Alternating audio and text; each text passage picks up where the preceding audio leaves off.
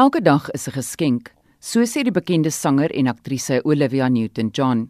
Haar stryd teen fase 4 borskanker het in 1992 begin, maar sy het dit oorkom. 11 jaar later het sy dit weer oorwin. Maar in 2017 het die kanker egter van haar borste na haar bene versprei. Ek so dankbaar dat ek reeds 3 keer hierdeur is en steeds leef, het Newton-John aan 60 Minutes Australië gesê. Borskanker is so algemeen en hoe vroeër dit opgespoor word, hoe beter die kans dat dit genees kan word. Professor Carol Ann Ben is 'n spesialis borschirurg aan die Milpark Borskankerkliniek in Johannesburg.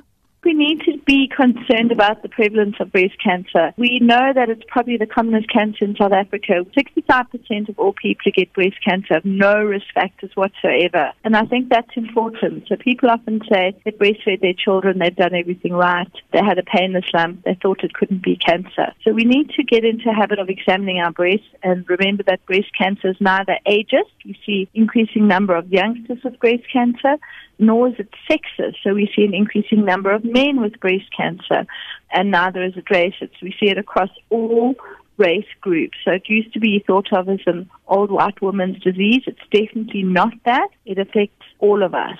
Professor Ben sê veral jong vroue moet nie dink hulle is van borskanker gevrywaar nie en moet dadelik 'n dokter sien as hulle onraad vermoed. We are seeing more young women with breast cancer. I saw two youngsters under the age of 35 last night, and I've seen in the last month an 18 year old with breast cancer. Die Milpark Borskankerkliniek is internasionaal geakkrediteer en hulle volg 'n multidissiplinêre benadering. Dit beteken dat 'n groep spesialiste pasiënte se diagnose saam bespreek en saam besluit wat die beste aanslag sal wees om te volg. Maar professor Ben bied dieselfde diens en haar onbeperkte tyd, aandag en empatiese pasiëntesorg ook aan pasiënte in die staatse gesondheidsdiens by haar borskankerkliniek aan die Helen Joseph Hospitaal in Johannesburg. Altesaam 27 spesialiste van gespesialiseerde borschirurge, radioloë, onkoloë, plastiese en rekonstruktiewe chirurge en gespesialiseerde verpleegsters is almal deel van die span by die twee klinieke. I have a unit at Helen Joseph, which is the love of my life, and that's a public unit, which means that people who don't have access to healthcare funding should go there. There's an open clinic on a Tuesday and an open clinic on a Thursday. It's for all comers from anywhere. Then at Moore Park, I have an internationally accredited unit. It's the only internationally accredited unit in the country. What that means is that it has to follow certain, not my rules, but international rules. So I'm very fussy that you do what's best for the patient and not what's best for the doctor. Professor Ben sê pasiënte wat skielik hoor hulle het borskanker, voel dikwels so oorweldig dat hulle nie die opsies helder oorweeg nie.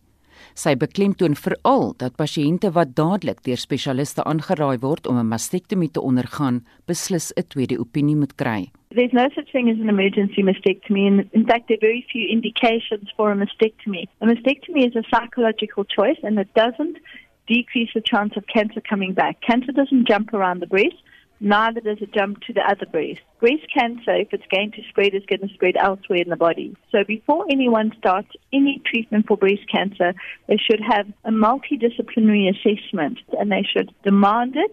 People must know it's their body, not the doctor's. Die 45-jarige Karen Brits van Vryburg in Noordwes is in Junie verlede jaar met borskanker gediagnoseer.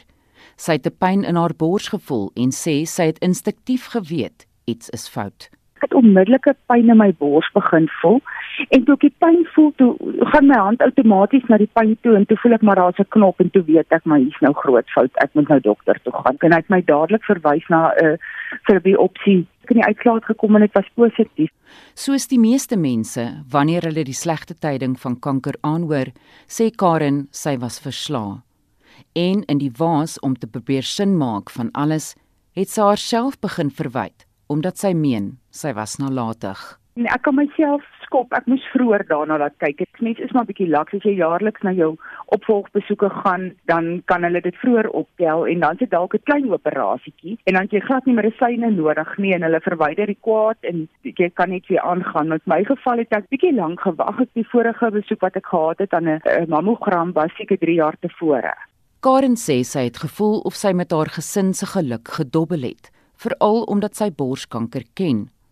Haar ma is in 1998 daarmee gediagnoseer.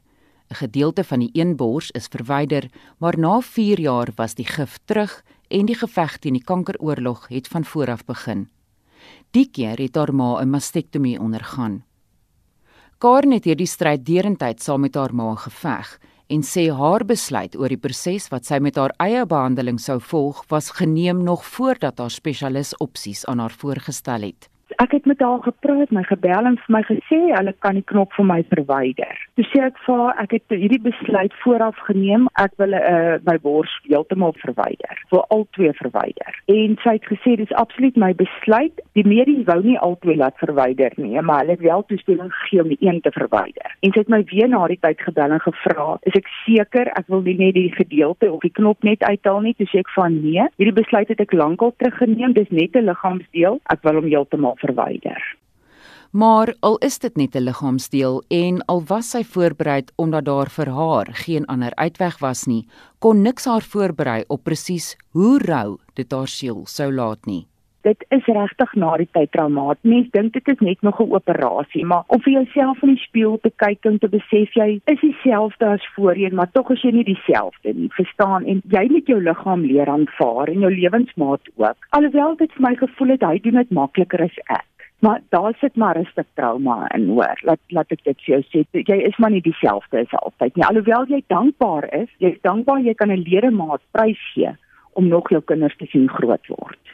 Ook die 69-jarige Marita Rankin van Lichtenburg in Noordwes was totaal stom geslaan toe sy in Augustus verlede jaar met vroeë stadium borskanker gediagnoseer is. Anders as Karen het sy geen simptome gehad nie, maar met haar jaarlikse mammogram het die radioloog 3 biopsies gedoen en toelaat weet sy met 'n borskankerchirurg gaan sien. Marita het nie die nuus verwag wat sy by professor Ben, wat haar borschirurg was, gehoor het nie dit was nogal vir my 'n skok want ek het dit eintlik in my agterkop gehad, maar nie regtig daarop gefokus dat dit wel kanker sou wees nie. Sy het dit vir my verduidelik en gesê ek moet daaroor gaan dink en sy die ander spesialiste vir my tot beskikking gestel. Twee gewasse is verwyder en haar behandeling het vereis dat sy net vir bestraling moes gaan. Vir Karen het egter 'n ander stryd voorgelê.